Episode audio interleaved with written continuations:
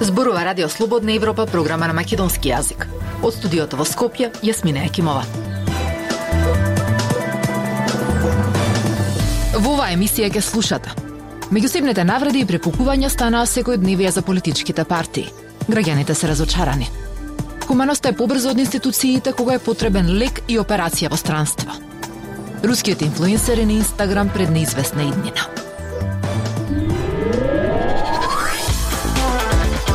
Независни вести и анализи за иднината на Македонија. На Радио Слободна Европа и слободнаевропа.мк. Меѓусебните етикетирања и навреди стана секојдневија за политичките партии, посебно меѓу владеачката СДСМ и опозицијската ВМРО ДПМН. Граѓаните велат дека тие повеќе се напаѓаат отколку што нудат решенија. Аналитичарот Джилја Незири пак појаснува дека партиите користат речник кој е разбирлив за повеќето граѓани и за неф е поважна формата од суштината. Прилог на Марија Митевска. Меѓусебни етикетирања и навреди е вокабуларот кој секојдневно преовладува кај политичките партии, преку нивните пресконференции, сообштенија или изјави. Волкот влакното го минува исто како Артан Груби, што минува коалиции, но карактерот не. Дарко Каевски од Голтар преку функционер од СДСМ до милионер. Ова се некои од насловите на сообштенијата на ВМРО ДПМН во изминативе денови. Во државата имаме политичари што Голтари влегуваат во политика, се зборовите кои лидерот на партијата Христијан Мицкоски ги употреби во една од неговите изјави, а во друга изјава и реченицата послушници на заевизмот во кој што прв е сега Ковачевски. На сличен начин возвраќа и СДСМ, па така еден од насловите на нивните сообштенија е дека ВМРО ДПМН е доказ како од Голтарска се станува најбогата партија во Европа.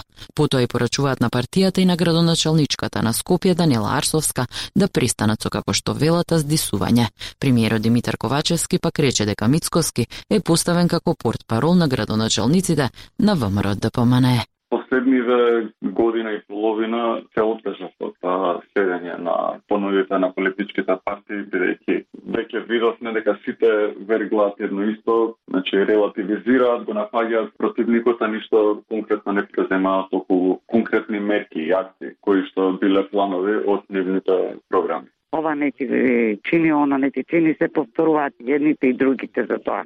Во тоа мислам дека се исти. Тоа е лично ради тие да се соберат поени и да се останат на нивните е за народот.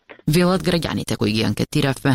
Политичкиот аналитичар Джигал Незири смета дека партиите користат речник кој е разбирлив за повеќе од граѓаните. Користат таков политички дискурс со кој не сакаат да го убедат противникот или политичкиот опонент за нивните тези, току сака да поентираат кај граѓаните и кај широката јавност. И во целата ова нивна медиумска борба е како да се инфлуенцирани од тој јавен дискурс, од тој речник кој се користи на социјалните мрежи. Не е важна содржината, не е важна суштината, току е формата со која се дебатира. Тој додава дека со таквиот однос на политичарите се губи квалитетот на дебатата. Таа цел се преостава настрана, доека единствена цел е да се создаде една таква атмосфера во која нели публиката би уживала, а не би научила скоро ништо. Анализата на Институтот за демократија насловена Човек од народот анализа на јавното мислење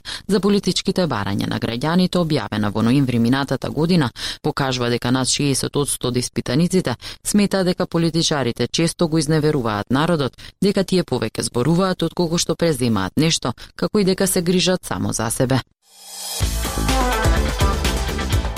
Слободна Европа. Следете на на Facebook, Twitter и YouTube.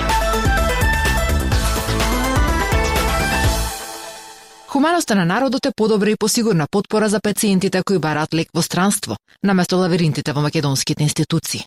Ова е заклучокот на 35 годишната скопјанка Анета Јовановска, која неодамна се врати од лекување во Турција платено со донации.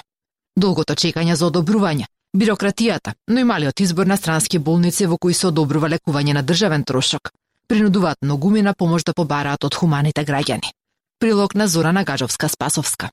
На Анита Јовановска од Скопје пред две години и бил диагностициран рак на грло на матка. Карциномот и бил откриен на време и била направена операција, како што вели, тогаш се било во ред. По две години таа заболува од рак на левото белодробно крило. Хемотерапијата што е била препишана не можела да издржи. Не сакала да оди на зрачење, операцијата во тој момент не била во опција. Откако лекарката што ја лечела немала веќе што да ја понуди Анита и незиното семејство решила таа да оди на лекување во Турција они ми беа некако уште поголемиот мотив во животот и реков готово. Заминувам што сака нека биде, мора да се најдат пари, мора да се оди понатака на лекување и јас само извршав солзите и реков сине, ветувам мама, ниту ќе ве остави, ниту ќе умре, мама оди понатаму да се лекува. И фактички од тука почна и тој пат Со супругот се јавувале по приватни клиники, истражувале на интернет и се одлучиле за лекување во клиника во Турција која чинало 18.000 евра. Нормално кога видов сумата во тој момент ги немаш тие пари, а си ветил на некој позади тебе нешто, реков ако треба ќе гребам со ноктите по земјата, ќе ќе се најдат тие пари. Откако не добила конзилиарно мислење за лекување во странство кое ќе оди натовар на фонда за здравство, се одлучила да побараат пари преку донации. Една пријателка и помогнала да се отворат броеви за донации и да се прошири тоа на интернет. Во Турција добила лекување како што е било ветено. Јовановска вели дека на вистина лекувањето чинино дека здравството таму било одлично. Таа прави споредба со здравството тука и вели дека во земјава треба да ги бркаш лекарите само за да ги прашаш нешто, а таму таму, како што вели, тие сами ти отвараат вратата. Јовановска вели дека хуманоста е поедноставен пат од кога да се оди преку конзилиарно мислење и да се чека на фондот. Во разговор со луѓе кои го поминале тоа, дознала дека доста време се чека на одобрение од фондот за здравство. Оти треба да се поминат две комисии пред да биде одобрена. Јовановска е само еден од многото луѓе кои секојдневно бараат помош од сограѓаните за лекување во странство. Со најмало пребарување на социјалните мрежи ќе не идете на голем број на повици за помош. Проблемите со кои се справуваат здравствените осигуреници кои бараат од државата да им плати лекување во странство ги забележал и државниот ревизор. Во последниот ревизорски извештај на Фондот за здравство се нотирани серија на слабости и неправилности во системот за лекување на македонските пациенти, односно осигуреници во странство. Една од клучните забелешки е дека постапката за одобрување на лекување во странство е долготрајна, односно дека трае повеќе од предвидениот законски рок од 45 дена. Ревизорот утврдил дека комисиите кои постапуваат по барањата за лекување во странство, дел од пациентите ги препраќаат на дополнителни прегледи во една приватна здравствена установа, иако тие веќе доставиле медицинска документација и конзилиарно мислење. Дополнителен проблем е тоа што таквата пракса не е легитимна. Ревизорот утврдил дека фондот нема функционален систем за следење и анализи на ефектите од лекувањето во медицинските установи во странство, во кои е реализирано и одобрено лекувањето на осигурениците и успешноста на истото. Како резултат на ова, фондот нема изработена листа на болници во која ќе биде содржана и успешноста во лекувањето на различни диагнози која ќе послужи како основ за упатување и лекување на идни осигуреници, ниту пак е изработен акт врз основа на кој ќе се врши изборот на овие медицински установи. Актуелности свет на Радио Слободна Европа. Руските инфлуенсери, фотографи, уметници, модели, кои потрошија години за да привлечат своја публика на Инстаграм, сега се соочуваат со неизвестна иднина. Русија укина дел од социјалните мрежи во обид да ја заостри контролата врз наративот на војната. Прилогот го подготви Госе Атанасов. Ги има во цела Русија, фитнес инструктор од Владивосток на далечниот исток, собственик на берберница од Чита во близина на кинеската граница, млади инфлуенсери од Ангарск во Сибир, здравствен консултант во Москва, фотограф од Дагестан во Северен Кавказ и експерт за содржина од Краснодар на југот. Сите тие поминаа години во некои случаи речиси една деценија, притоа создавајќи голем број следбеници на социјалната мрежа за споделување слики Инстаграм – Тие објавуваа содржини на редовна основа во одредени периоди од денот, со хаштагови приспособени да добијат што е можно повеќе прегледи. Одеднаш овие руски инфлуенсери, собственици на продавници, фотографи и други кои се подпираа врз Инстаграм за приходи, се соочуваат со неизвестна иднина откако нивната влада ја забрани популарната платформа, како дел од како што велат експертите, поширок потек за заострување на цензурата по неиспровоцираната руска инвазија врз Украина но тие се меѓу зголемениот број руси кои ги чувствуваат негативните ефекти од војната на нивната влада врз Украина, што предизвика невидени санкции од Западот. Кремљ ги затегна завртките дома, засилувајќи го ограничувањето на несогласувањето. Еден ден и овие девет години помина, излезе дека мојот живот и мојата работа се блокирани, објави популарната руска фотографка на пейзажи која оди по хаштагот Света 13 на својата страница на Инстаграм на 12 март. Казнета за што, се прашува таа. Аналитичарите велат дека руската влада ја искористила привремената промена на политиката на омраза од страна на Мета како основа за суштински да го забрани Инстаграм, една од најпопуларните апликации на социјалните медиуми во земјата. Русија само неколку дена предходно го блокираше Фейсбук, друга популарна поддружница на Мета и Твитер поради наводна дискриминација на руските државни вести. Многу руси продолжуваат да ги користат платформите со помош на виртуелни приватни мрежи, но услугата може да биде многу бавна. Забраните за социјалните мрежи се дел од поголемиот потек на Путин да изгради, како што некој опиша, дигитална железна завеса, со цел да се одржи контролата на државата во ширењето на информации во земјата. Владата им забрани на медиумите и на поединците да ја нарекуваат војната војна или инвазијата инвазија, инсистирајќи на терминот специјална операција – Последните забрани ја носат државната цензура целосно на друго ниво, изјави за Радио Слободна Европа Рейчел Денбер, заменик директор во Human Rights Watch. Предходно тие вршеа притисок врз платформите да цензурираат несакана содржина. Сега тие го користат овој момент за да се обидат да извршат абсолютна контрола врз информациите во земјата, рече Денбер додавајки.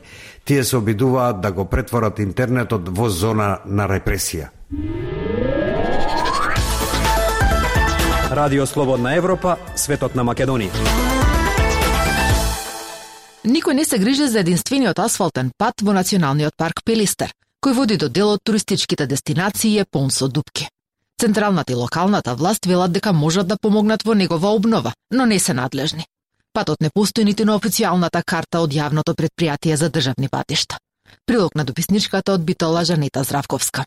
Не се знае по чија надлежност е единствениот асфалтен пат во Националниот парк Пелистер кој води до туристичките дестинации. На официјалната карта од јавното предпријатие за државни патишта го нема, како регионални се исцртани земјени или планинарски патишта. Едниот ЕР 2331, ниже поле Пелистер Брајчино Љубојно, на картата е испрекинат зашто таква асфалтирана делница не постои. Другиот ЕР 29372 од Ротиното детското одморалиште, што исто така е земјен и само во делови асфалтиран. Главниот пат, иако постои како да е непостоечки и на картата, па и по интервенциите на терен, кои скоро и да ги нема. Со години не е обновен пол со дупки. Возима се чистат околу 2 метра од коловозот, па автомобилите едва и можат да се разминат.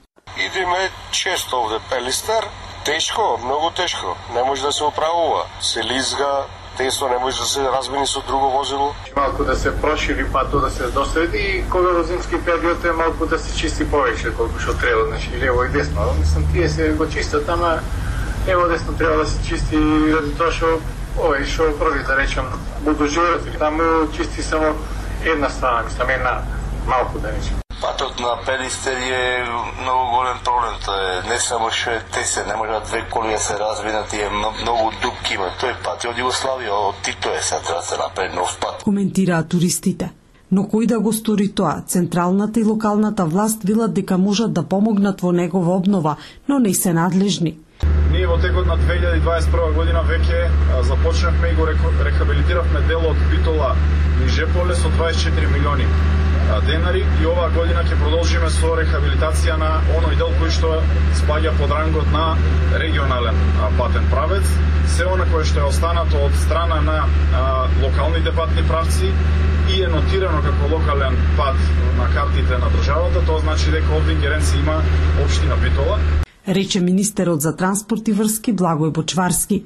Од општина Битола пак велат дека имаат надлежност за одржување на патната инфраструктура која поминува низ населени места. Поради тоа вложуваат во подпелистерието и тие посочуваат дека учествувале во изведба на истиот пат од Нижеполе до подпелистерието, а во моментот работат на проектна документација за реконструкција на патот до спојот со паркот, но велат и дека можат да помогнат во обнова на асфалтираниот пат кој што поминува низ Пелистер. Пелистер е најстариот национален парк во земјава кој со децени остана со една иста асфалтна делница.